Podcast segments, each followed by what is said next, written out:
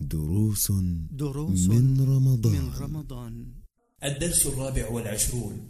بسم الله الرحمن الرحيم. الحمد لله والصلاة والسلام على رسول الله وعلى آله وأصحابه ومن والاه.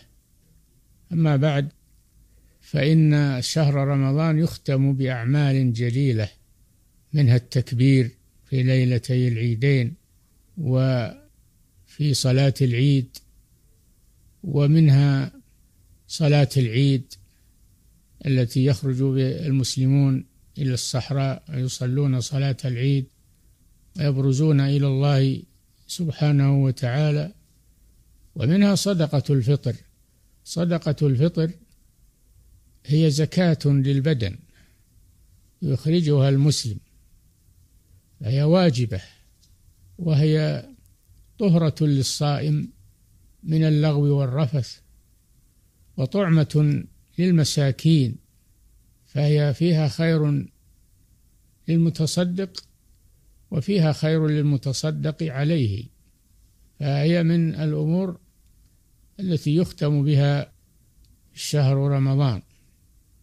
ولأن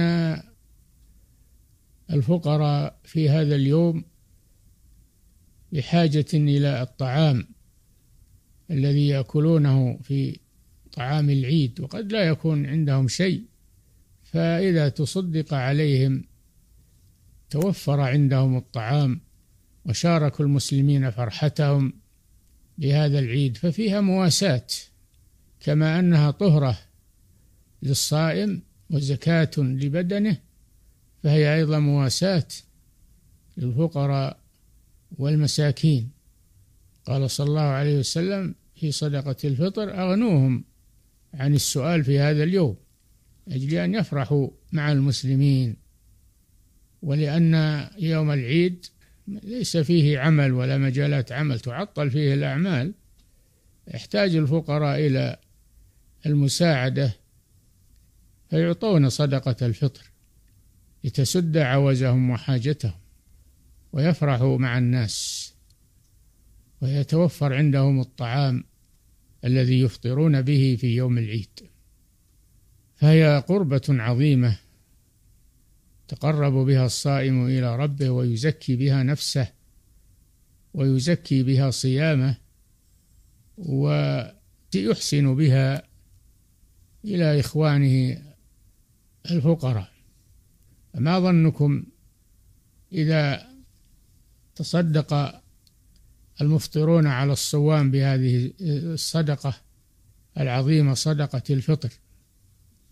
فإنها تتوفر عند المحتاجين يتوفر عندهم الطعام من هذا ومن هذا ومن هذا فيصبحون ليسوا بحاجة إلى السؤال في أيام العيد ليفرحوا مع المسلمين. هذا من الحكمة التي جعلها الله في صدقة الفطر وهي عبادة عظيمة ومقدارها صاع أربعة أمداد ملء الكفين ملء الكفين المضمومتين الممدودتين ولهذا يسمى مد مد يعني مد بمد اليدين مضمومتين مفتوحتين أربعة أمداد. تشكل منها الصاع النبوي. والصاع النبوي كيلو نصف تقريبا بمقياس اليوم كيلو ونصف من الطعام تقريبا. وهذا مقدار يسير على من يسره الله عليه وهو كثير في حق المحتاجين. آه، مع كثرة الصدقات توفر لدى المحتاجين طعام كثير يغنيهم الله به في أيام العيد عن السؤال ويغنيهم عن العمل لأن أبواب العمل تقفل في أيام العيد فيصبح الفقراء ليس معهم شيء ولا عمل يتقوتون منه. فمن حكمة الله أن شرع صدقة الفطر لمواساتهم وإغنائهم عن السؤال وعن التكسب في أيام العيد.